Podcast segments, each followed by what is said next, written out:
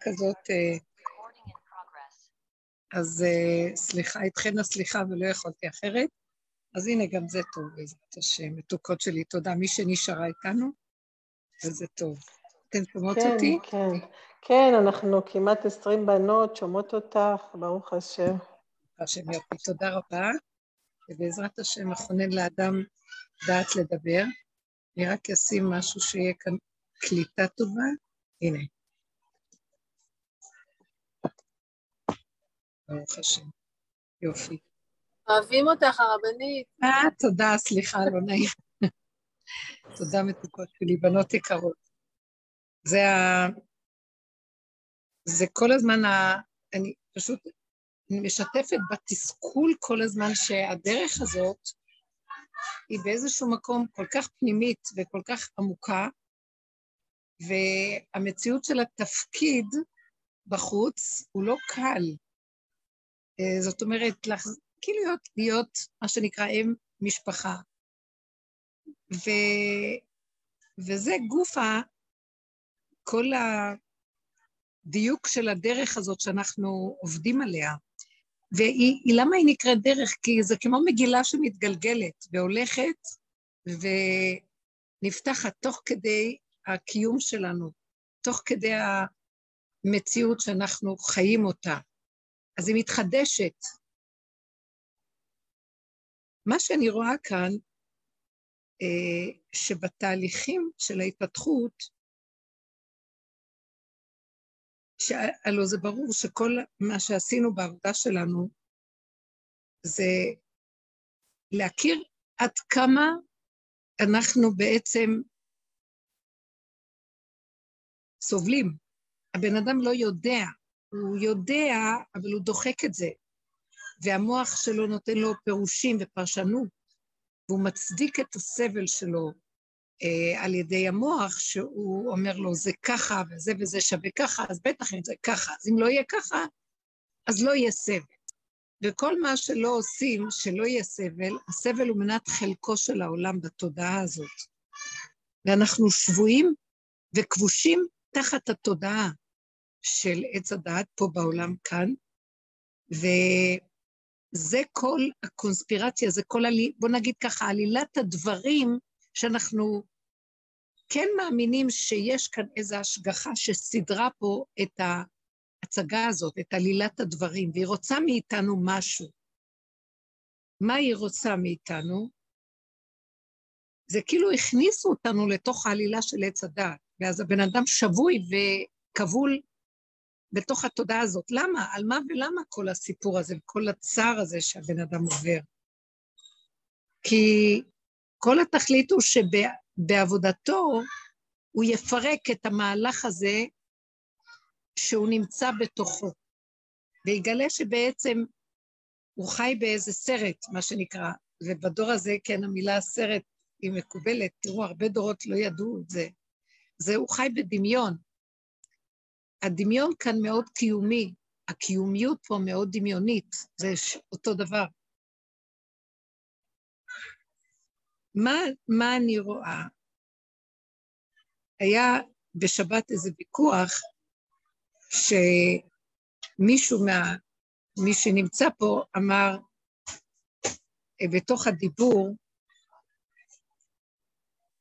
הוא זרק דבר חזק, וזה זעזע את כולם. הוא אמר, אני מצידי הייתי, לא היה אכפת לי להיות גוי.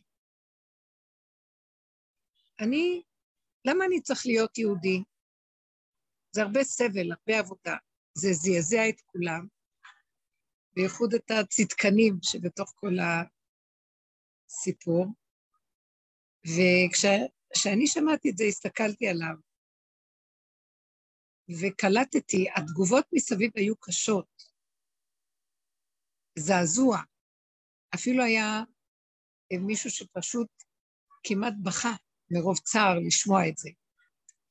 ואז אני הסתכלתי, והיה לי איזה הכרה פנימית למה הבן אדם הזה אומר את זה, אני מכירה אותו טוב, ואני רואה את המהלכים הפנימיים שלו, קשור עם הדרך של אושר.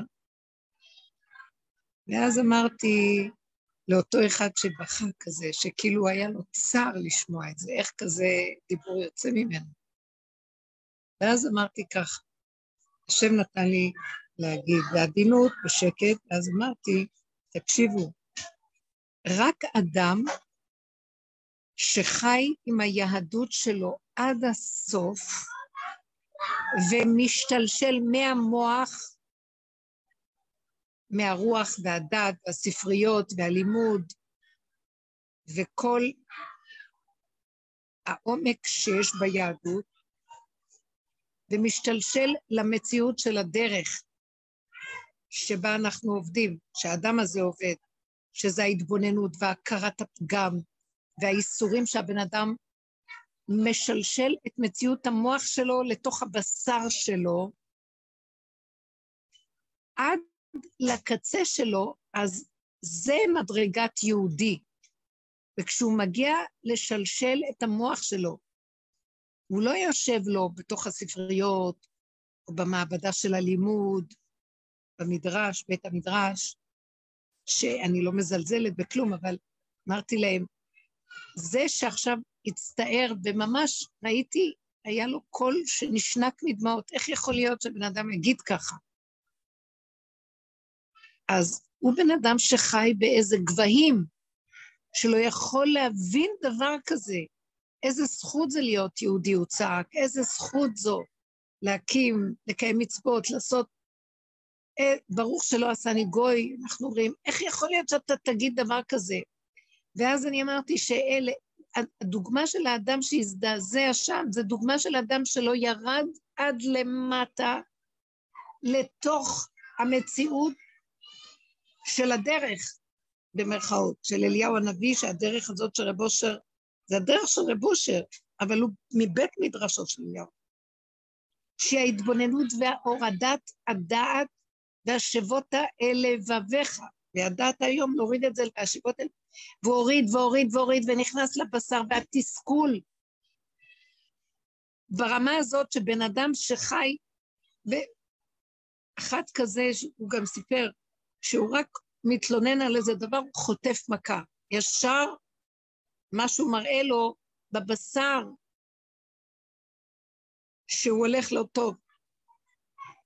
אז הוא, האדם הזה שדיבר ככה, לעומת אלה שהזדעזעו, הוא בעצם הביא את יהדותו לקצה, לגבול, ששם השכינה בגלות מזעזעת, והוא חווה את המצב של, ה... ש... של היהודי השבוי בקונספירציה הזאת של תודעת עץ הדעת, ומה שהוא לא עושה, ימינה, שמאלה, תמיד יהיה לו כאב. Uh, האדם הזה, יהיה לו צער. האדם הזה קולט, כמו שאחר כך אמרתי להם איזו דוגמה, שהייתה לי, uh, הייתי צריכה uh, לטפל באחת, באחת הקטנות ולהחליף לה טיטול, והיא התנגדה. ו, והיא הייתה מלוכלכת, וצריך לנקות אותה. ואז אני ראיתי שאני צריכה לנקות, וזה מאוד קשה לנקות עם מגבונים רגילים, ועם היבשים זה לא היה קל, בשבת לא ללכת דש, אני יודעת מה. ואז, והיא התנגדה לי, ואז אני, בתוך הנפש, היה לי צעקה, ריבונו שלם, כמה סבל יש במציאות העולם הזה, שאתה סידר כאן, סידרת כאן תוכנית שחייבים לאכול וחייבים להוציא, להפריש, וחייבים לטפל וכל הזמן לדאוג לגוף הזה ולהאכיל ולנקות ולסדר, זה לא נגמר. וגם, לא רק זאת, גם הילדים, אין להם, אה, הם לא מכירים בצער של הגדול שמטפל בהם, הם מתפנקים עליו, והיא מנפנפת לי לכל עבר התנגדות, ואני צריכה להיאבק מכל הכיוונים. ואז אמרתי לבנו שלום, איזה מין מצב יצרת פה, אני לא יכולה, איך אפשר ככה, זה כזה אכזרי. וזה, אתה עוד קורא לזה שבת. ואין לנו לא עוזרות ולא משרתות ולא אף אחד שיעזור כאן. היהודי, היהודים תקועים עוד נוסף לזה כל כך הרבה הלכות, שהדבר הכי פשוט שאפשר היה לשטוף אותה, לסדר אותה, ואז אחרי רגע אמרתי, הרגשתי שאני מתריסה ואני במין, קשה לי, זה דוחה אותי וקשה לי. ואז אחרי רגע אמרתי, טוב, טוב, טוב, סליחה, סליחה שאני מדברת, כי בטח אני גם אחטוף על זה. אז באמת סליחה. ואז אמרתי להם, תראו באיזה מצב אנחנו נמצאים, שאנחנו שבויים בתוך מערכת של חוקים, ואוי ואבוי לנו גם אם נתלונן, כי אם נתלונן שקשה לנו פה, גם נחטוף על זה. אז כשהבן אדם הזה אומר, אני לא הייתי רוצה להיות גוי, יהודי, בעל כורחי כפו עליי והכריחו אותי, הוא בעצם אומר הצהרת אמת של יהודי, שנתן את מציאותו עד הגבול והקצה, ומבחינתו, אם היו שואלים אותו, הוא לא היה רוצה לבחור יותר ככה להמשך לחיות. כשכל, בייחוד שמג... כי כשמגיעים למקום של התחתיות, של הבשר, שהיהודי מביא את הדעת שלו, של הפרשנות, משמעות ספריות, אה, כל היפייפות, אה, והוא מבחינת זכר שחייב להיות במקום של הנוקבה. אז הוא אומר, וידוי של אמת, ואתם לא מבינים אותו, כי אתם יושבים גבוה ורחוקים מהכרה, וזה מצייר לכם את דמיון הנפש. כי אם הייתם יורדים חיים, כמה קשה באמת המציאות, רגע, רגע, מבשרי, לא רק איפה שנוח וקל ומסתדר. אני לא באה להגיד שהם לא, הם אנשים שמקבלים עול ועמלים, והם לא יושבים להם רגל על רגל, אבל זה לא כמו אחד שנכנס בתוואים ובדרך. זה כמו שהרגשתי עם התינוקת שהחלפתי לה, שהיא ילדה בת שנתיים, שזה קשה, היא עוד מתנגדת לי, ואני, ולרגע אמרתי, ריבונו שם, איזה מציאות בראת בעולמך שכפית אותנו לזה שאנחנו חייבים להכניס אוכל, וחייבים גם לנקות ולצאת, וכל המערכות שמסביב למציאות של הקיום של האדם, שזה ממש... כל עיסוקו סביב זה, כל עמל אדם לפיהו, בשביל הפה שלו, כל עמלו של האדם. ואיזה עולם של עמל ויגיעה. רק כמה צריך כדי לקנות את המזון. בוא נגיד, להביא את הכסף כדי לקנות את המזון, אחר כך לנקות וכדי לבשל וכדי להגיש, אחר כך לנקות ולסדר, ופחי זבל וכמה בגוף תהליכים. אז למה זה כל כך קשה לאדם, ריבונו של עולם? זה לא קל פה. אז גם אמרתי, אסור גם להגיד, ואותו בן אדם, כשהוא בא ואמר שהוא לא היה רוצה, אם, אם היו בוחרים, אם היו שואלים אותו, אז הוא בעצם אומר הצהרת אמת, זה נשמע מזעזע, והוא לא היה רוצה, הוא באמת לא היה עוזב את היד, בשום אופן לא. אבל הזעזוע שלכם נובע מזה שאתם מנותקים ולא מחוברים ליהדות עד הסוף, וכולנו כאלה בעצם. והדרך הזאת שאנחנו עובדים בה, היא מביאה אותנו שנביא את הדעת שלנו, לא שתשב למעלה, אנחנו מורידים אותה לתוך המציאויות וחיים את זה, וזה סבל. רק ההתבוננות וההכרה עד שזה מגיע לגבול שאין לנו כוח כבר לסבול. ואם היו שואלים אותנו שם, היינו אומרים, לא, אני בכלל לא הייתי רוצה לחיות. כי בעל כורכך אתה חי, בעל כורכך אתה נוצר, אתה חי, אתה מת, ובעל כורכך גם תיתן דין וחשבון, שיגידו לך, התלוננת, איך אתה מתלונן? מי זה שיקום ויפרק את הקונספירציה הזאת, בייחוד היהודי? מי זה שיכול לפרק את הקונספירציה? כי כל הקונספירציה, עיקרה זה היהודי. היהודי הוא, הוא השבוי הגדול בתוך זה, קיבל על עצמו עול של להיכנס בתוכה ולהיכנע לה, והכנעה אחר הכנעה. וזה מה, שאני, מה שהשם זיכה לי לכתוב בעלון, שתמר הגיעה לנוקבה של הנוקבה בהכנעה. שזה לא יכול להיות. זו הצעקה שיצאה לי עם הטיטול, אבל אחרי זה אמרתי, סליחה שאני עוד מתלוננת, כי בטח אני אחטוף על זה, כי ככה זה חוק הקונספירציה. זה חוצפה כלפי שמיא, מה זאת אומרת, את צריכה לקבל בהכנעה את הכל. וזאת התוכנית, וגם את זה עברנו, וזה מה שנקרא הנוקבה, זה הדרך, הדרך הזאת היא נוקבה, שרק נכנעת, מסתכלת, מתבוננת, מקבלת, משלימה, מודה, מאשימה את עצמה אפילו, ובסוף גם את עצמה מפרקת, והיא מודה ונכנעת, זה יסוד הכבש, אין לי מה להגיד. עד שזה מגיע, זה כבר הצד של ה... זה שנכנע, הוא גם יש לו איזו בחינה של זכר, שהוא עוד נכנע. אני עוד חיובי שיכול להיכנע. אני עוד נכנע כי זה רצונו יתברך. אני עוד אומר, אני לא רוצה לחטוף מהקונספירציה, מהכוח הזה שהשם נתן לתוכנית הזאת כוח להכות בי, אם אני עוד אתחצף. אז אני נכנע.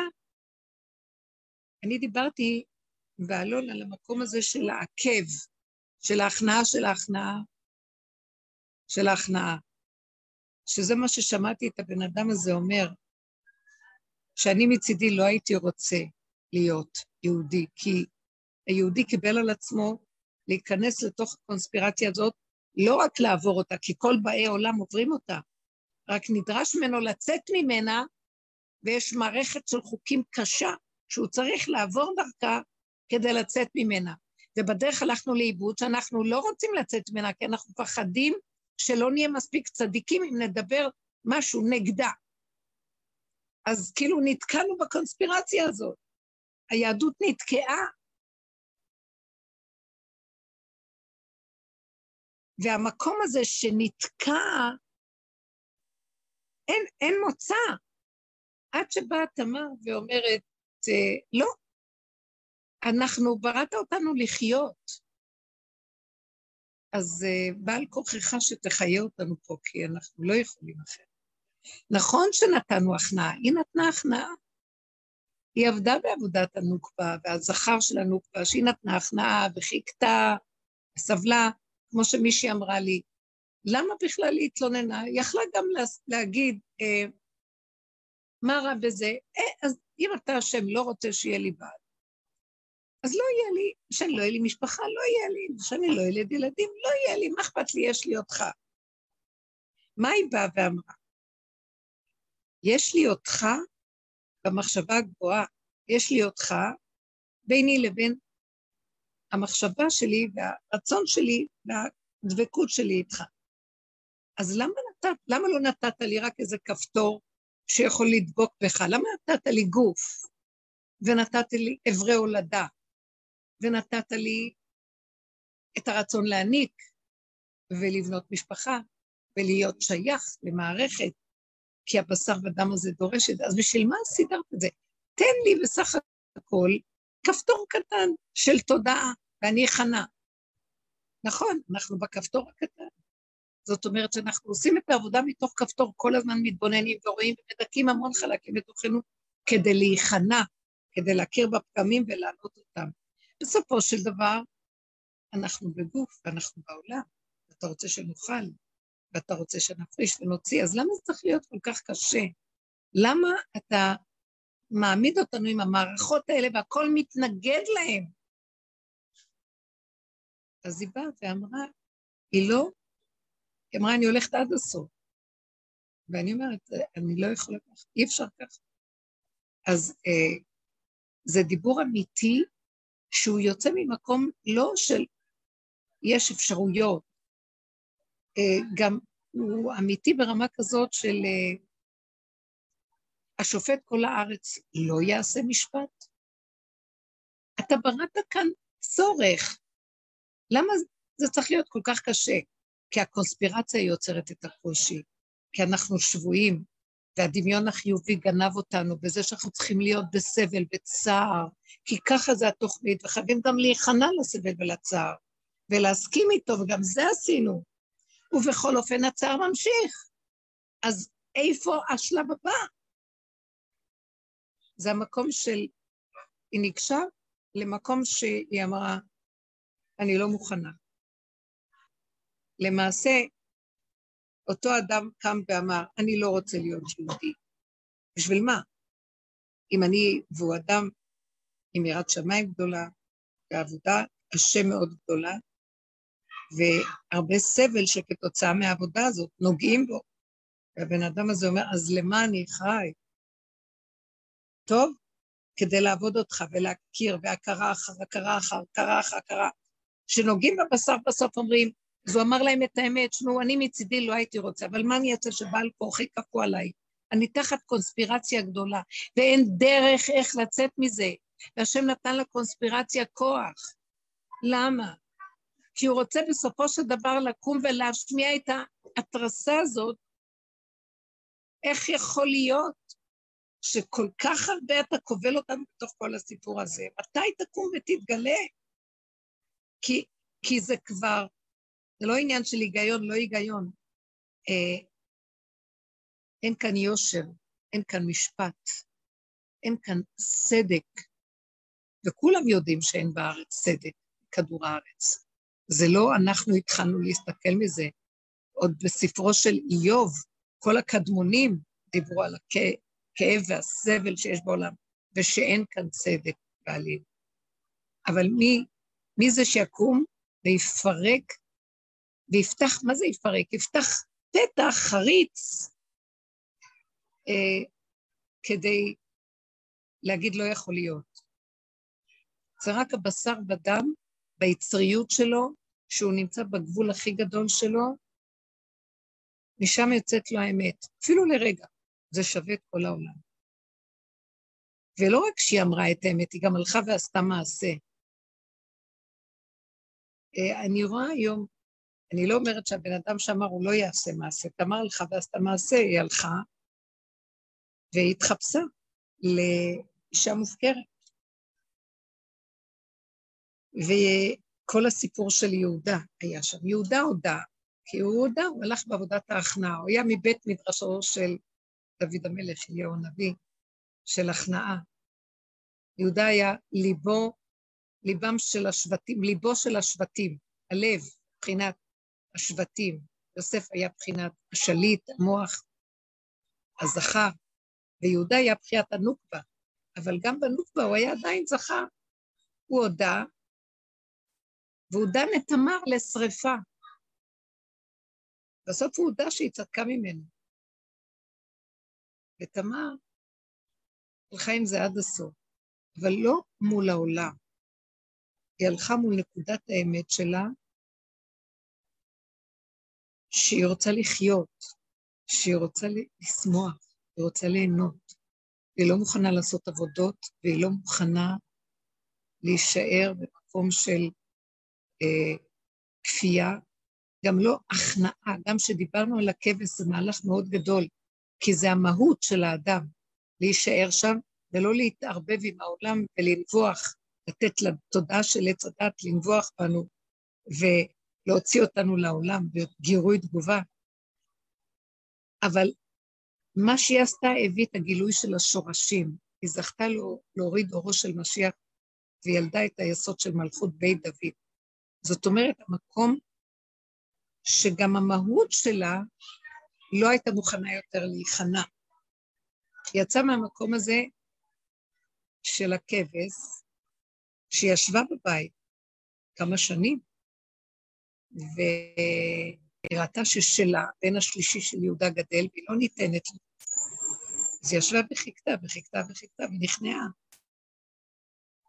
בסופו של דבר, היא נכנסה למהלך של היצריות הפשוטה של הבשר ודם, שלא ייתכן שאם יצרו אותו אז הוא חייב מקום.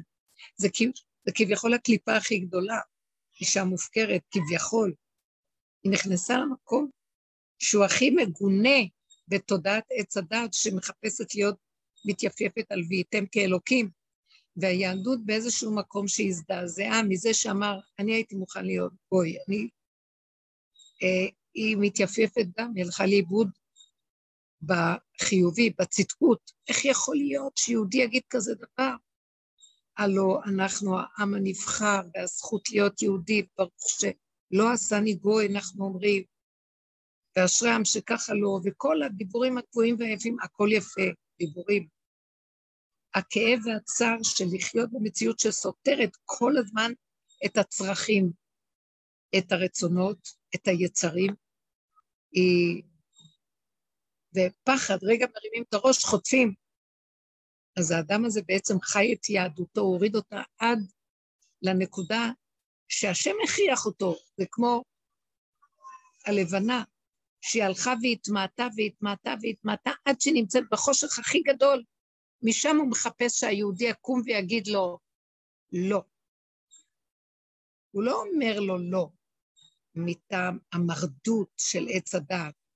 הבשר צועק, בראת אותי, ודין שתפרנס אותי.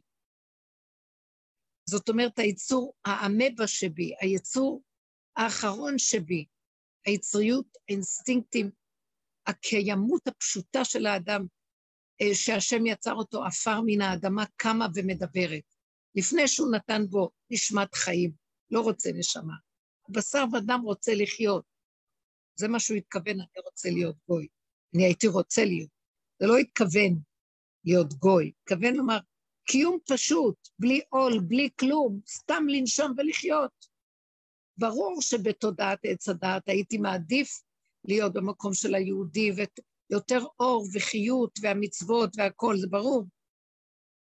אבל השם גם לא נותן להיות שם ברמה של בית המדרש, בספריות, ביופי, הוא רוצה אותנו בעבודה שלנו, להוריד אותנו ממדרגה למדרגה למדרגה, עד שזה נוגע בבשר וכבר אין חיים, אין, חי... אין כבר, זה לא שאין חיים, זה כל רגע. ואדם חי בצמצום נוראי, וכאילו אין, רק הוא ובוראו, רק הוא והנשימה שלו בעצם, שזו עוד התודעה שעוד נשארת לו להגיד, אז זה לא הוא, זה לא תודעה, זה הבשר שלו מדבר. תן לבשר לחיות, תן לחיות לחיות. אה, זה השלב של הנוקבה של הנוקבה. זה אנשים יצטרכו להביא את החלק הזה בעולם אה, כדי שיפרוץ את הפתח לגאולה. היום אני רואה גם בתוך התרבות שלנו הרבה כאלה שהם פורקים עול, שהם לא רוצים, קשה להם, הם לא רוצים לעזוב את היהדות, הם, הם רוצים לעזוב את החיוביות הדמיונית של הצדקות, שהגלות תפסה אותנו והשאירה אותנו מעופפים שם. והם יורדים ל, ללכלוך של העולם, וזה מצד אחד מזעזע אותנו, אף אימא לא הייתה רוצה שהילדים שלה יעזבו את הדרך, את התורה ואת היראה, והתלכלכו בעולם. וזו לא המטרה. זה כי אנחנו בצדקות שלנו לא יורדים בתוך הנפש שלנו למקום הזה שתמר עבדה עם עצמה, אז בסוף יצטרכו לצאת בחוץ, נערים ונערות, ולעזוב. אנחנו צריכים לא לעזוב את המבנה החיצוני, לעזוב אותו מבפנים ולצעוק את הצעקה מבפנים. צריך להתחפש, לא להגיד ככה אני פורק עול, אלא לכסות את זה ולהביא את זה פנימה לתוך המציאות של ההכרה והדיבור לבורא עולם. ברור שאדם כזה גם אה, מוכרח לפתוח ולפרק במשהו, אבל לא, לא ברמה של ההפקרות חלילה. כי אם אנחנו לא נעשה את העבודה מבפנים ונגיע לנגוע בנקודות האלה ביני לביני, לצעוק, אבל אני רוצה לחיות, אני רוצה לחיות. לא מדבר על הוללות, לא מדבר, אבל צורך אינסטינקטיבי קיומי, כמו שתמר הרגישה. אה, ישנו חלק בעבודה שלנו שהגענו אליו תראו איזה יופי, נפתחים לנו נדבכים של נדבכים של עבודה. המהות שלנו זה כמו כבש, ילד קטן בתוך הגזע של הדבר, מצומצם, והוא נכנע, כי איזה כוח יש לו. אבל יש עוד חלקים, השורש חייב להתגלות במהות. איך מגלים את השורש הזה? ששכינה תקום, ויקום איזה עמוד שדרה, כוח פנימי, שיהיה דופק בתוכנו וייתן לנו חיות ושמחה שלא תלויה בשום דבר. זה המקום שהבשר חייב לצעוק את הצעקה שלו, אבל אני צריך לחיות. משם זה מתגלה, כי השכינה כל כך נמצאת למטה, בחושך, שצריך לרדת אליה למקום הזה. ואילו כל עבודת היהדות נתקעה באיזשהו מקום בחיצוניות, ביפיפות, אין חיות. יש צדקות, יש חרדה, משפחת, צדקות הכוונה, כמו אותו אחד שבכה, איך יכול להיות שאתה אומר שאתה מוכן לוותר על היהדות שלך? ואז אני ראיתי ואמרתי, כי אתם, כי כולנו, כשאנחנו מדברים ככה ונבהלים, אנחנו מנותקים מהאמת, כי זאת האמת בעירום מלא, אה, עירום ועריה, זאת האמת. עכשיו, בואו נגיד מה הכוונה בנקודה שלנו, שאיך נפ... ניקח את המקום הזה שאנחנו מדברים עכשיו עליו, ובכל מקום שאדם עושה משהו ויש לו איזו התנגדות, הקול של ההתנגדות הזה חייב להיכנס לדיבור לפה, וביני לביני להגיד, ריבונו שלם, אני לא מסוגל לסבול טיפת התנגדות, אני גם לא רוצה למרוד ולצאת, אני, זה לא מרידה בך, אתה מחכה לשמוע את זה, כי הקונספירציה לא נותנת לי להגיד.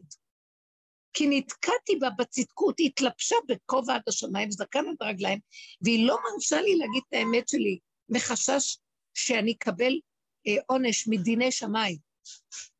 כי הרמת עליי דינים על גבי דינים, ואני בעצם ירא את השמיים. אני מפחד מהמכות. וזה גם חלק מהקונספירציה, שככה זה יהיה, שאני אתיירא מהשמיים. כי זה שומר על הגדר שלי שאני אתקיים פה בתורה בעולם, ואני לא אלך לאיבוד בתוך זוהמה של העולם. אבל עדיין אין לי את השם באמת. וכדי שיהיה לי את השם, וזה מה שנקרא יראת השם, לא יראת שמיים, זה אישה יראת השם, היא תתהלל. מה זה היא תתהלל? ייכנס בה הכוח האלוקי ויקום. השכינה תקום דרכה. תתהלל, מלשון שכמו ש... שיתגלה האלוקות בה ויתחתן איתה ויחיה איתה. זאת אומרת, אנחנו צריכים באיזשהו מקום להגיע למקום של ההודעה הפנימית שאני לא יכול לעמוד מול מערכת התנגדויות וגם לא לפחד, כי אתה לא יצרת אותי שאני אפחד, אתה רצית שיצרת אותי שאני אחיה עם כל המערכות האלה, ואחיה טוב. אז למה הגעתי למקום הזה? בגלל אכילת עץ הדת. ולמה עברתי את כל התהליכים? כי הייתי חייבת לעשות את הבירור בין טוב לרע, בין טמא לטהור ולהישאר בדיני שמיים, בחיובי, בטוב. ולמה עם כל זה המשכת? למה לא נתת לי כבר גאולה שם? כי עדיין זה לא גאולה שלמה, זה רק סדר בתוך התודעה שאני לא אהיה בהפקרות. אבל בסופו של דבר אני תחת שלטון התודעה, והצדקות החיובית גונבת אותי, ועדיין אין לי את השם. אני מסודר, אני עושה דברים ככה, אבל אלה שמשתלשלים ומוכנים לרדת למטה, הם מתחייבים לפרק בדרגות יותר נמוכות, מורידים את היהדות של השמיים למטה, למטה, למטה, ונכנסים לארץ ישראל. זה מה שמשה רבנו רצה, להיכנס לארץ ישראל, להוריד את השמיים ולהביא אותם לארץ, להביא אותם למקום שיוכל להקים את השכינה שבו, ולעורר את האור של שמי השמיים, את האור של השכינה שזה יראת השם, לא יראת שמיים. שמי השמיים זה גילוי האלוקי, כי בשמיים יש האור של הצדיקים ובית הדין והמשפט, והדיינים נקראים אלוקים, אבל זה לא האור של העולם שבו מתגלה אלוקות, עולם האצילות זה עולם האלוקות, ואנחנו רוצים להוריד את זה פה לארץ. יש מעטה ומכסה ואמצע שלא נותן, ואנחנו צריכים לפרק את האמצע הזה ולהשתלשל עד הסוף מהצמרת של העץ לתוך המציאות שלה, מהחיובי למטה לתוך הגזע, וגם בתוך הגזע יש מהלך נוסף של ל... לרדת למקום שהשורשים יתגלו, שאני אגע בשורשים ואני אקים את החיות שבשורש, שמשם כל החיות בעצם, סוף מעשה במחשבה תחילה, כמו שבשמי השמיים ובמלכות אור אין סוף יש חיות גדולה, לפני כל הסיבובים של העולמות וההשתלשלות, ככה גם למטה, בקצה בקצה, זה אותו דבר. זה ראשיתו נעוץ בסופו, וזה הבריח התיכון שמבריח מהקצה לקצה, ושם המקום הזה שנוגעים בו, הוא אמר את האמת, האיש הזה אמר. הוא אמר, אני, אם הייתי בוחר, לא הייתי. כפו עליי הר כגיגית, מה אני יכול לעשות? אה, הוא האדם שמגלה, שמכריח את השם, להגיד נכון. הוא מגלה את האור של הברית, האור שבא, אה, האור שמתגלה בלי שכר ועונש, ונותן אה, ברחמים גדולים לאדם, בניגוד לשום דבר. ככה, הוא מפרגן לו ונותן לו בלי דין ומשפט. זה כמו שיהודה אמר, צדקה ממני, אז... יהודה, יהודה, לא, יהודה לא גילה את האור הזה, הוא... יהודה הוא עשה עבודה כמו שאנחנו עושים בדרך של רב משה. הוא עשה עבודה של הכרת הפגם והודאה בו. זה לפרק את הצדקות. הוא אמר שהיא צדיקה, היא צדקה ממני, אני לא. בדרך כלל אדם נורא נבהל להודות שהוא לא צדיק, שהוא לא טוב, שהוא לא חיובי, שהוא פגום. אז הוא הודה שהיא, אבל היא עשתה מעשה יותר גדול. היא לקחה ועמדה לפני שהיא נכנסה בזה. הוא אמר את זה אחרי זה, אבל היא נכנסה מול בורא עולם ואמרה, אתה בראת, לפני שהיא חשבה להתחפש, אתה בראת בן אדם עם צרכים. אני נכנעתי, נתתי לך את כל העבודות, והגעתי עד למקום שהיצריות הקיומית שלי לא מסכימה לי להיכנע. כי זה אתה בתוכה לא נותן לי, כי אתה רוצה גילוי, אז אני אתן לך את הגילוי. אני אלך עם התחפושת של ההפקרות, כי רק וואו. דרך המקום הזה אתה מתגלה. זאת אומרת שאנחנו לא, לא יודעת מי יכול לעשות את זה, רק זה צריך להיות אמת כל כך גדולה פנימית, שזה לא בשביל הבחוץ, להראות לכולם, תראו, אני מצפצף. זה דרגה פנימית של להיכנס לאמת הזאת ולא להסכים לסבל, לא להסכים להתנגדות, לא להסכים להתרסה של העולם, למצב הזה שכל הזמן אנחנו מפחדים. הפחד הזה חונק אותנו, זה תודעת עץ הדת שגונבת, היא רוצה להמית את האדם, והשם רוצה להציל אותנו, ואומר, טוב, תנו לי עוד נקודת עבודה אחרונה, כדי שאני אפתח לכם, ואני אתגלה עליכם. תנו לי את היצריות שלכם. תהיו תינוק. אני ראיתי את התינוקת שטיפלתי בה. לא היה אכפת לה מהצער שלי. זה לא יפה מצד אחד, אבל ככה השם יצר אותה. היא אמרה, אני צריכה שיהיה לי הכי נוח. לא נוח לי ככה, נוח לי ככה או לא ככה או כן ככה. זה מצד אחד לא מתקיים בעולם של עץ הדעת, טוב ורע ורשות היחיד, רשות הרבים, אבל היא בעצם דוגמה בשבילי לראות איך בראת מציאות בעולם, שהיא רק עם עצמה ולא אכפת לה כלום, זה רק אתה בתוכה, למה אתה מאפשר את זה? ככה גם אני רוצה לחיות כמו שהיא. אז למה הבאת את זה שאני צריכה לטפל בה? למה הבן אדם צריך לטפל אחד בשני? למה שהיא לא תטפל בעצמה? ולמה בכלל שתסדר שזה לא יהיה כל כך קשה? אה, זה נורא קשה שבן אדם צריך לטפל בבני אדם אחרים. למה לא תברא בן אדם שהוא יקום ומיד יטפל בעצמו, כמו שהחיות? למה צריכים כל כך הרבה לטפל בילדים עד שהם גדלים ויכולים לטפל בעצמם? הלמה הזה הוא לא שאלה, כי ככה הוא ברא את העולם. זה בגלל חטא עץ הדעת זה ככה. כי לא היה צריך שהבן אדם אה, יהיו בצער כל כך גדול, אבל כל הקונספירציה הכניסה אותם, התורה שבויה בתוך עץ הדעת, וזו הצורה שלה, היא משנה את צורתה לפי העולמות, היא בעולם השפל, אז זה שבויה. אז הכל זה צער ורשות הרבים, וזה צריך לטפל בזה, והוא צריך לתת לזה, וזה צריך למסור את נפשו על זה, וזה, והכל בשביל אה, לקבל שכר בדיני שמיים. אבל מצד האמת לאמיתה, זה קושייה. למה? למה כל כך הרבה סבל פה? למה שאדם לא יקום והוא יחיה לעצמו? למה אני צריך כלום? יחיה לעצמו בלי שום צער. הוא יחיה, אפילו אם יחיה עם בן זוג, אבל לא עם צער. יחיה עם ילדים, לא עם צער. לא שהילדים יהיו ברמה כזאת שהוא צריך כל כך לטפל. למה, איזה מין דין זה שהיא מתפנקת לה, אין לה תודה, אין לה דעת. ואני צריכה לסבול, אז אני סובלת בגלל שיש לי דעת של עץ הדת, ולה אין דעת. אז היא פטורה מהצער. ככה אני גם רוצה. אז בואו נביא את עצמנו למצב שנפתור את עצמנו מעץ הדת. איך? על ידי שניגע בנקודה הזאת ונגיד, איך יכול להיות? אם נתת לי כזה יצר, למה, למה אסור לי לחיות איתו? בגלל עץ הדת, שרצה להיות וייתם כאלוקים, בגלל כל הקלקול שיש בארץ, אז עד מתי? אבל נתת יצריות. אז או שתמול את הלב ושלא יהיה לנו יצריות, ואם יש צורך ביצר הזה, אז תיתן לו להתקיים.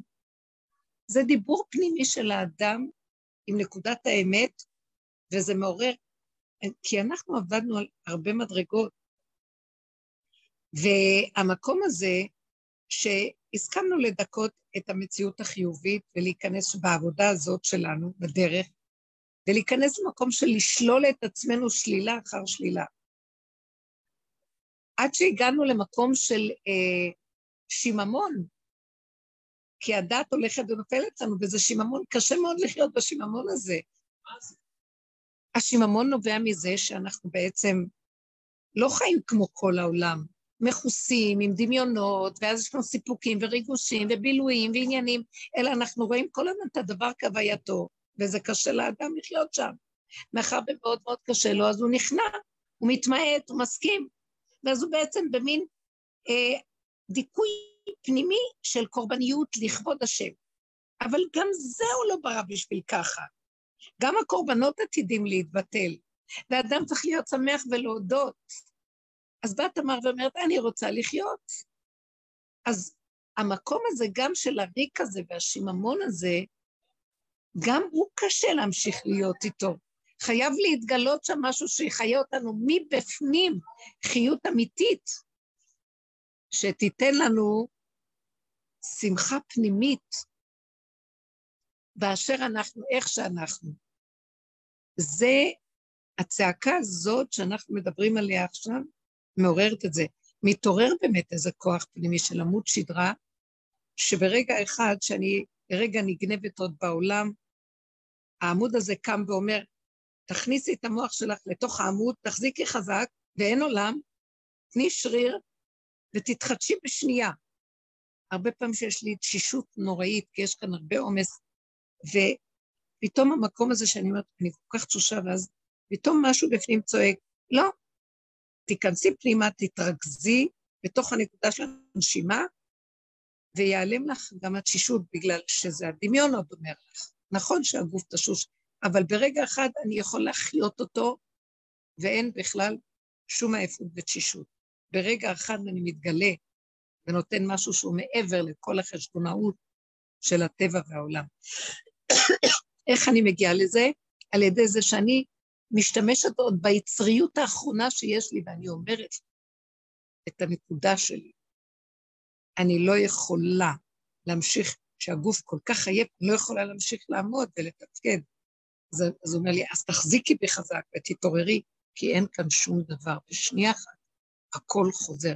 זה מה שתמר עשתה. בשנייה אחת היא קיבלה כזה חוזק לא לראות עולם, להתחפש, וללכת לעשות מעשה שהוא הכי מגונה בעולם, של הדעת ושל הצדקות ושל אפילו התורה. והיא נכנסה לתורת האצילות, כי בעולם הזה זה מגונה. בעולם האצילות זה לא מגונה, כי זה אור פנימי, היא ובור, ובוראה, היא היצריות היא הורידה את האור האלוקי לתוך היצריות, היא גילתה אותו בארץ, בארציות שלה. והיא שברה את כל עץ הדת באותו רגע, זכתה לאור של משיח. היא שברה את, את כל הקונספירציה ברגע אחד. זה קשה להגיד את זה, וזה המקום שרב אושר היה אה, הוא היה אומר שכל האור האלוקי נמצא על יד העבירה. זה לא בדיוק העבירה, זה כאילו הנקודה של על יד בתוך האדם בינו לבינו לבין, בינו לבינו זה בינו לבין בוראו, זו נקודה פנימית של ההכרה שלו פנימה בתוך הבשר, עם נקודת האמת, עם הגבוליות שאין לה מציאות אחרת לגמרי. והיא טוענת את האמת שלה. כי אתה לא בראת אותי למות, בראת אותי לחיות. בגלל זה האדם הזה אמר, אז בשביל מה לי להיות יהודי? כי אני, היהודי זה למות. הצורה של היהדות בגלות היא ממיתה, ואנחנו רוצים לחיות, מתי סוף סוף תתגלה ותסיר את הקליפה הזאת של, של הגלות היהודית, שהיא בעצם אה, גומרת את תפקידה, והגאולה חייבת לבוא. היהדות הגלותית מפריעה לגאולה, כי היא נתפסה בגלות, בחיוביות של היהדות. ואילו באמת באמת שנפרק גם את הנקודה הזאת ונשאר כמו בעל חי יצרי שלא יודע כלום וצועק לבור, אבל בראת אותי בשביל זה, תתפרק הנקודה הזאת ויתגלה חוזק פנימי שייתן לבן אדם חיות ושמחה, וכאילו משיח תקע יתד נאמן בתוכו. הוא תקע יתד בתוכו. זה התחלת הבנייה, ומתוכו קם איזה כוח. זה החוזק הזה, שאפילו לרגע מתגלה זה שווה, כן. הרבנית, קראתי באחד המקומות בפרשה, שדווקא, לא בפרשה בשבת, אבל שהאימהות שקראו בשמות של הבנים, של הילדים, אז אה, שהם ראו, הם היו נביאות, הם ראו את המעשה של יהודה ותמר, ולכן אה, קראו לו יהודה. אז אה, זה גם חלק מה, מהתוכנית. כן, זה הכל מראש, הכל מראש, ברוח הקודש הם ידעו. יהודה, אתה יודוך אחיך. יהודה זה מבחינת להודות. הפעם מודה את השם, ככה אמרה לאה, שהיא ילדה את יהודה. שזה בסוף ההודעה להודות על האמת, להתוודות על האמת, ולהודות שככה זה הכי נכון וטוב. כי ככה בראת, וזה הכל. כאן נופלות כל המחשבות והחשבונאות של עץ הדעת. למה, כמה, איך, זה לא טוב, זה ככה צריך להיות, לא ככה צריך להיות. אה, אנחנו צריכים להיכנס פנימה למקום חדש שלא לא הולך עם המוח של הנכון, לא נכון וכל השאר, אלא נקודת האמת של הסיבה שבאה מתוכו של האדם ועכשיו אין עולם ואין חשבונאות מול העולם, זה רק ביני לביני. זו נקודה פנימית מאוד עמוקה, איפה שתמר הייתה. עוד יהודה דיבר את נקודת ההכנעה שלו, והוא אמר אותה גם מול העולם. מול בית הדין, צדקה ממני. כל הסנהדרין יושבים, כל בית הדין, הוא אומר, צדקה ממני. בעצם בזה מבזה את עצמו מול כולם. הוא הסכים לשמוע את חרפתו. להגיד את חרפתו בכבודו בעצמו. אבל העבודה שלה הייתה פנימית, זה לא הייתה עבודה של דיבור עם מישהו, זה לא היה, אה, התבזתה, כשגילו את זה, היא התבזתה, כאילו שאחרי אה, שלושה חודשים נודע שהיא בהיריון. אז יהודה אומר, תוציאו אותה להישרף. הוא דן אותה כבת כהן, כי בת כהן כי תחל לזנות, את אביה היא מחללת, באש תישרף. זה הדין שלה. תוציאו אותה להישרף. כי הייתה אה, משפחת שם בעבר, שהיה כהן לכל עליון, משפחת כהנים שלו, עובדי השם, לפני הכהונה של אהרון, בעם ישראל. אז זה המקום שהיה הדין, ואז זה ביזיון גדול, שהיא זנתה, כביכול. אבל היא הייתה בנקודה הפנימית שלה בינה לבין בוראה, שהיא עשתה את הדין הזה, הדיון הזה בתוך עצמה. זה המקום שעורר. אני עוד פעם נוגעת, זה נקודת האמת בינינו לבין עצמנו בנקודות הנמוכות היצריות, כמו אותו אדם שאמר במחשבה, הוא אומר, אבל אני הייתי מוכן להיות גוי בעצם, כי היהדות אין לה גבול של קושי ועמל והגיע וצר ורוגז ומכאובים, הוא אדם מאוד עמוק וחושב ומתבונן ועובד, והכל בבשר נגוע שם, נוגע לו. וזה המקום שהוא אומר את האמת ומודה. זה עורר סערה גדולה וצער גדול. אבל אני, השם שם לי לחשוב ולהגיד, אתם יודעים למה אתם בצער מזה? כי אתם לא השתלשלתם למקום הזה. כי אם הייתם חווים את האמת הזאת, הייתם מבינים אותו.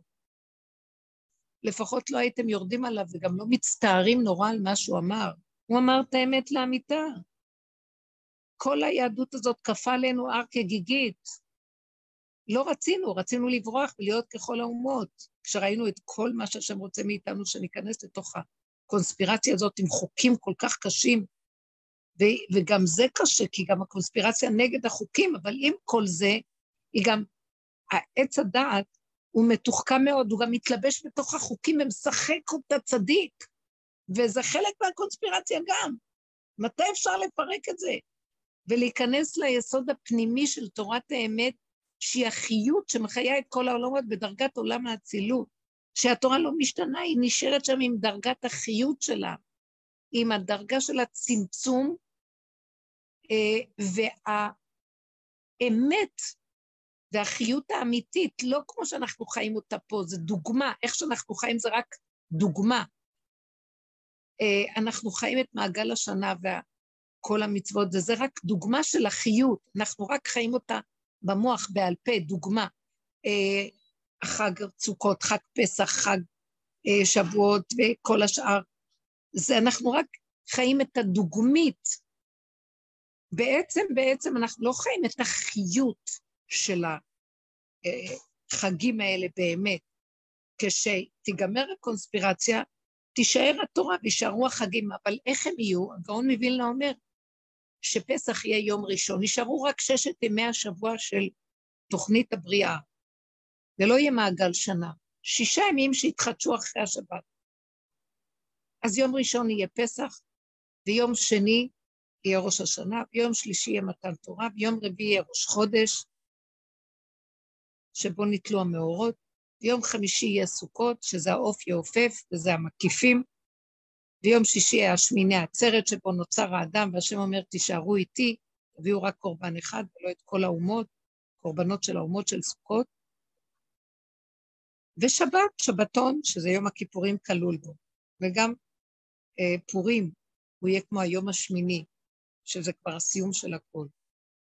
אז מה זאת אומרת? שם כל יום יהיה החיות של החג. זאת אומרת שכל ששת הימים יהיו כמו חג. זה יהיה דין המועדים והחג. זה לא יהיה כמו יום חול. זאת אומרת שאנחנו נחיה את החיות, כל יום חיות של, של, של אותו חג. אז כל יום יהיה לו חיות בדרגה אמיתית של האור שאנחנו חיים פעם בשנה, פסח פעם בשנה, זה בדוגמית קטנה. אז זה, עולם האצילות זה חיות, מדרגה של חיות תוססת, שהיא קיימת בתוך חוק הטבע, בתוך איך שהשם ברא את עולמו. אם יש צורך בגוף, אז צורך הזה יש לו חיות. למה לדכא אותו? ואנחנו בתורה מדכאים את החיות, בגלל תודעת עץ הדעת. והפחד שזה לא יתפרץ החוצה ויעשה, ויתהולל, כי תודעת דמיון והוללות. אבל סוף סוף כל כך הרבה דורות אנחנו שם, מתי תהיה הגאולה ונחזור למקום של התכלית, לחזור לנקודת החיות הפנימית, האמיתית, ולא, אנחנו רק תואמים אה, טיפ-טיפונת פה ושם, וכל הזמן שלנו צער, רוגז ומכאובים, זה חבל. וזה המקום שיתגלה כאשר אנחנו נחיה בצמצום את נקודת האמת ונודה בה ונגיד, אבל אנחנו צריכים לחיות. וזה לא חיים של הוללות, של עץ הדת וסיפוקים וריגושים, חיים של אמת. מה זה חיים של אמת? חיים של אהבה, של שמחה, של חיבור, של חיות. פה, בנשימה שלי, רגע, רגע, וכל מה שמתרחש סביבי, אה, הוא לא מפריע לי. כלום, הפוך. מהאור הפנימי הזה, הכל מקבל השפעה, והאור הזה מקרין ומשפיע על הסובב.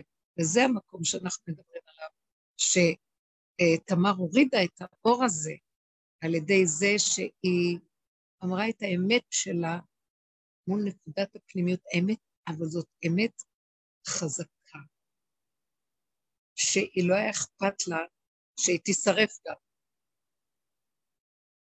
כי ידע שזה הדין עם מגלות, אבל השם היפך את הכל כי היא הורידה אור גדול.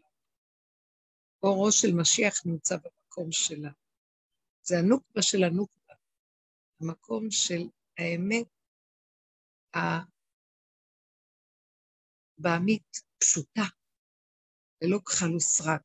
כמו אותה תינוקת, הייתי צריכה לנקות אותה, ובאמת הפשוטה שלה, מה אכפת לה לנפנף לי את מציאותם מלוכלכת ומתיזה ומעיפה לכל עבר, ואני צריכה להישאר תחת חוק עץ הדעת התורני, שאני חייבת, אני לא יכולה להשתמש במגבונים הרגילים והשניים, לא היו לי כל כך, אבל גם היה איזה משהו יבש, ולא יכולתי זה, ולא יכולתי זה, ולא יכולתי כלום. והיה לי צער בעיצומו של השבת. וראיתי אותה, איך היא נראית, לא אכפת לה, כי היא אומרת להשם, כך בראת אותי, מה אכפת לי, והוא מטפל בה, ונותן לה מה שהיא רוצה. יבוא מישהו שיסדר לה. אם הבנתם מה אני אומרת, נקודות דקות, אם מישהו רוצה להגיב משהו, אם בכלל יש מישהו איתי, אולי כולם הלכו כבר לישון. אני רוצה לומר משהו. כן. אני רוצה בבקשה, שבוע טוב. שבוע טוב. כל התהליך שתיארת על תמר, שהוא ממש, הוא ממש חזק, הוא משהו שאני ממש חווה בחודשים האחרונים כל שבת אחרי חצות היום, ואני מגיעה למקום הזה של, ה, של הנקודה האפסית הזאת של הבשר, של תן לי לחיות, אני מודה באמת, מודה שאני אפס, מודה שאני פגומה, מודה שאני, ככה אני. אתה מכיר אותי, אתה רואה אותי כל יום, אתה בוחן את הלב שלי, אין לי לאן לברוח. ואני יושבת לפעמים בשבתות אפילו ובוכה את נשמתי, ולא מוצאת יותר פתרונות, ולא מוצאת יותר כוח, ואני אומרת, ריבונו של עולם, כמה אפשר להתעלם, כמה אפשר להיות בצמצום הזה, אתה סוגר אותי בפינה עם הידיים למעלה. ואני, הדבר היחיד שאני רוצה באמת זה רק אותך, כי כל השאר לא מעניין אותי. לא מעניין אותי חומר, ולא מעניין אותי באמת כלום, כלום. הגעתי לנקודת אפס כזאת, שאני חושבת שלאבק יש יותר חיות ממני. ויחד עם כל הסלט הזה, יש לי מין להבת שמחה כזאת מתוקה, שאני אני אומרת, רגע, מאיפה, איפה היא, איך היא, ואני נדבקת אליה, ונחמד לי שם, אבל שוב הלופ הזה חוזר על עצמו. כל נכון. השבוע, כל האנשים, כל ה... ואני אומרת, נגעתי בנקודה כבר, הודיתי באמת, אין לי יותר במה להודות. גירדתי את השטח, את ה... לא את השטח, את ה... תוך פנים כדור הארץ, וכבר אין לי מה לגרד יותר, כבר הכפית גם כן כבר נחשקה. ואני לא יודעת איפה לפעמים לשים את עצמי, ואני אומרת, אתה יודע מה? תשחרר אותי מהעולם הזה, תחזיר אותי בתחיית המתים. מה אני צריכה עכשיו? עוד להעיר לסביבה? מה אני עכשיו איזה, איזה בבא, איזה צדיק, איזה מה? אני כלום. אני לא כזאת נביאה תועלת, אני הגעתי לכלום של הכלום של הכלום. לא מתערבב לי שום דבר מסביב, גם לא מעניין אותי. לא מעניין אותי מה אנשים מרגישים, לא אכפת לי מה הם חושבים עליי, לא אכפת לי כלום. אני פשוט רוצה שקט ושלווה ושמחה, ותשחרר אותי גם מהריצה הזאת אחרי האוכל, אחרי הלישון, אחרי הלכבס, לא רוצה את כל זה. שלושת נכון. השבועות היה תענוג, אמרתי איזה כיף, לא צריך לעשות כלום. אכלתי מכלום לכלום, לא חיבסתי, לא עשיתי כלום. ככה, כמו איזה... כלום. אמרתי עכשיו, זהו, אין יותר, בוא הנה, תשעה באב, במקום חורבן, תביא גאולה, ובוא נדלג את זה, הרי אם אתה כל יכול, בוא נדלג כבר את השלב הזה. קומי תעשי את זה, קומי. קומי תעשי את זה, תחי רגע רגע, ותחי בשמחה עם אותו רגע. וכל פעם שבא כוח המנגד וכוח של צער של מחשבה, תורידי אותו לפה ותגידו אני רוצה לחיות, תן לי שמחה, השמחה היא רגע. תן לי להתחבר לנקודה שלי. תגידי לו את האמת, לא באתי לכאן לסבול, לא מוכנה לסבול. מה הכוונה? מה, אני עכשיו שאמרתי לך, לא מוכנה לסבול, נשבור את הדלתות? לא. אני רוצה לחיות את הרגע הזה, וכשאת אומרת אני רוצה לחיות, הוא אומר לך, בבקשה, תחי. הוא נותן לך את המתיקות הזאת, את אמרת, נותן לך את הרגע הזה, משהו מתבצר בפנים של איזה עמוד שדרה כזה, שיכולה להחזיק בו ולהגיד לו, אני רוצה לנשום ולחיות. אבל יש רגע שפתאום זה נעלם ויש צער. אז אחרי, ברגע הזה, תגידו עוד פעם, לא רוצה יותר צער. לא רוצה סבל, לא רוצה כלום. אני יודעת, באמת, בסופו של דבר, ככה תקום הגאולה, שיקומו אנשים ויגידו, לא רוצים לצום בתשעה באב. בואו נראה. אבל זה לא רק להגיד, אנחנו בינתיים אומרים ועובדים על הנקודה לפרק את ההתנגדות שלנו והחרדה הפנימית מזה שאני אפרוק. אבל אני גם מכירה מרב אושר איזה מישהו אה, שהוא ממש איש אלוקי, שהוא מפרק את הכל בצורות פנימיות אמיתיות עם עצמו, ולא אכפת לו, הוא לא, בכלל, הוא לא במחשבה של העולם ולבן אדם. יואל איש קראוס, אה, קרויס, אני לא חושבת, הוא היה אחד, מהתל...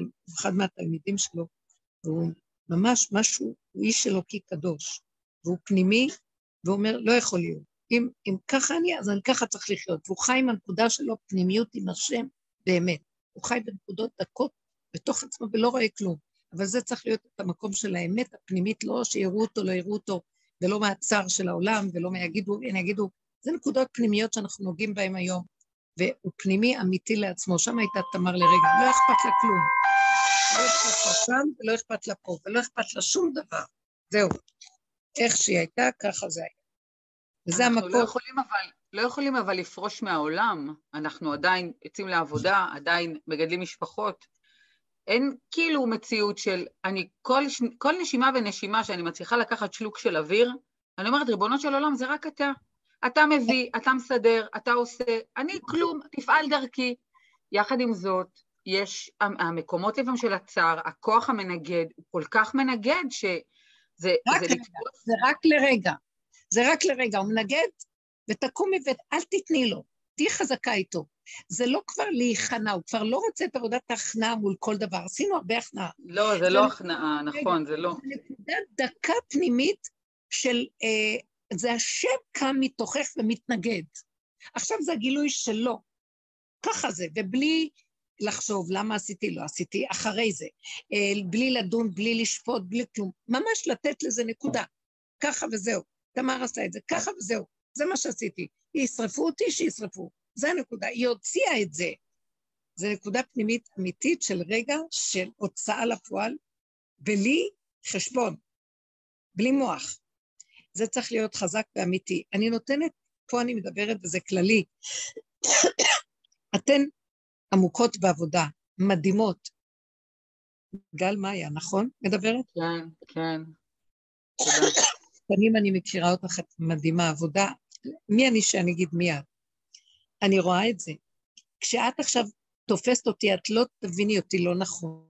כנסי לעומק הפנימי שלך ושם שחררי הכל. וזה רק את והוא ואין עולם.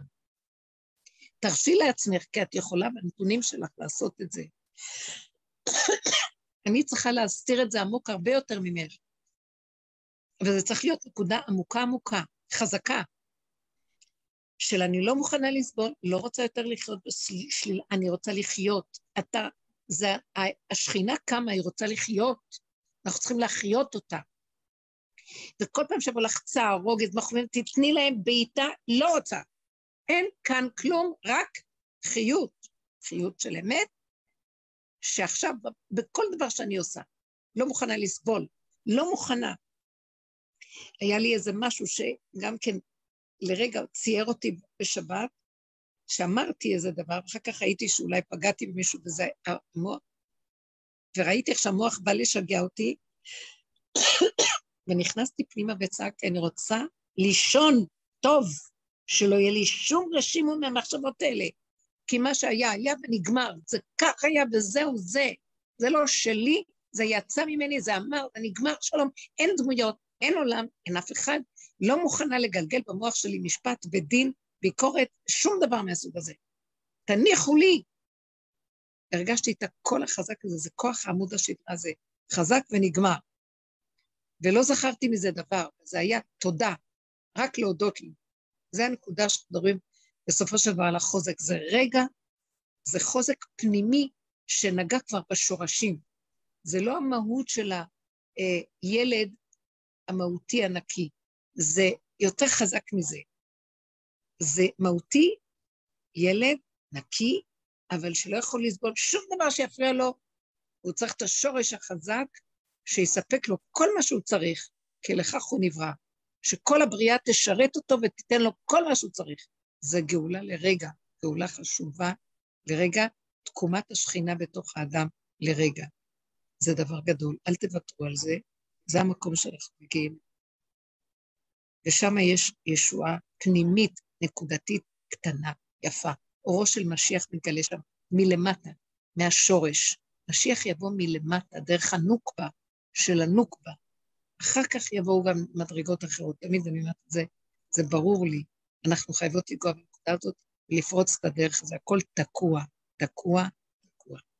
במוח אין סיכוי, תקוע. אין סיכוי בתודעה הזאת, זה קונספירציה רעה. שהיא רוצה לכלות את האדם, רוצה לגמור על הבן אדם, להשאיר אותו חי שמת כל הזמן, כאילו מחיה אותו כדי להמית אותו. נותנת לו אוכל כדי שימות, מקיימת אותו כדי להתעלל בו.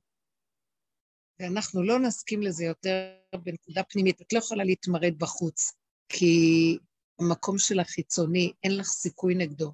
זה נקודה פנימית, זה כאילו נכנסנו לבטן אה, מעבה הספינה, ומתחת לברגים, בחדר המכונות, מתחת לשם לפרק את הברגים.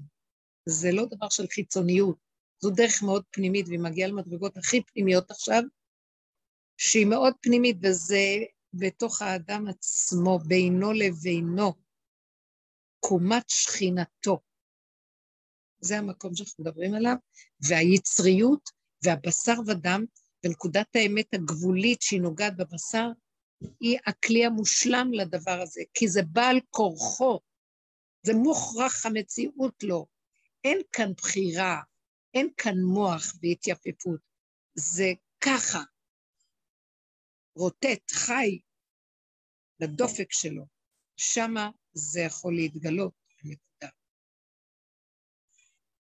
עד מתי אנחנו, לא עד מתי בעצם, פעם אמרת שיתגלה הכוח המאחד, ואז כאילו תתגלה אחדות השם. זאת אומרת, לא תהיה לנו אחדות כאן, אלא בעצם הכוח המאחד מתגלה, שאנחנו נשמות אלוקיות, וכל אחד באמת עושה את העבודה שלו.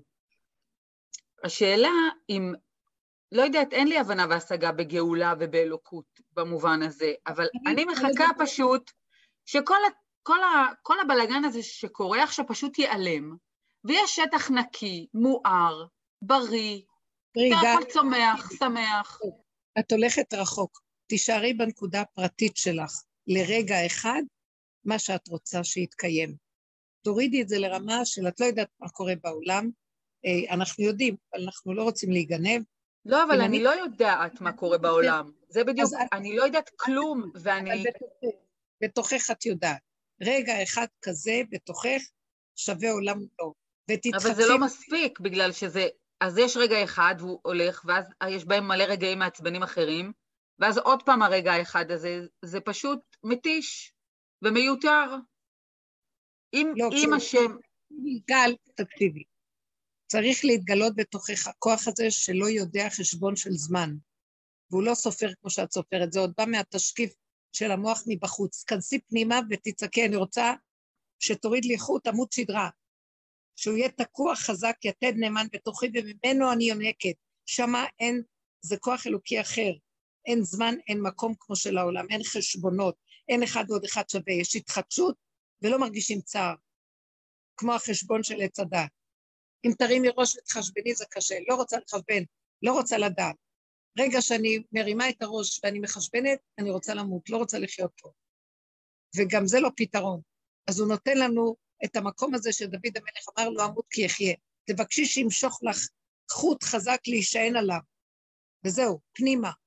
ואל תחפשי החוצה אחדות. זה האחדות שלי עם החוט הזה, עם הנשימה הזאת ועם הרגע הזה.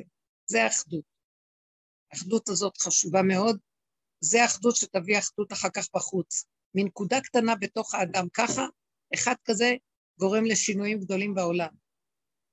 Uh, הוא פותח פתח גדול שימלטו אחרים. את לא מאמינה כמה זה יעבוד. אל תרימי את הראש להתלונן עליו בחוץ, כי אנחנו מתלוננים לרגע, הוא אמר, אני לא הייתי רוצה להיות יהודי. הוא אמר נקודת אמת לרגע. בסופו של דבר, למשוך את הנשימה שלו לתוך פנימיותו, והוא לא צריך עוד פעם להוריד ראש להיכנע כמו קורבן, אלא שם הוא יקבל חיות שטוב לי שאני חי. והנשימה שלי זה מעבר אפילו ליהודי, זה, זה מדרגה של לחזור לשורש האלוקי.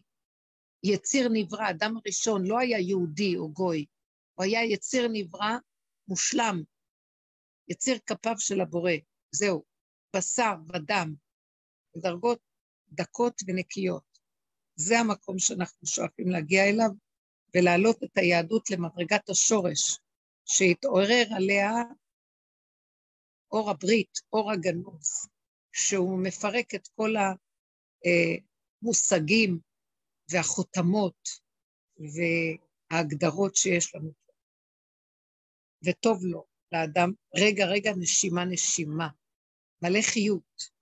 זה אנחנו רוצים, בלי הקונספירציה הזאת. זהו. תודה רבה לכם, לילה טוב, שבוע טוב. תראו, זה כבר שעה מאוחרת. אה, תודה רבה. מישהו, יופי גל, נהדרת, אוהבת אותך, מתוקה. תודה רבה רבה, שבוע טוב.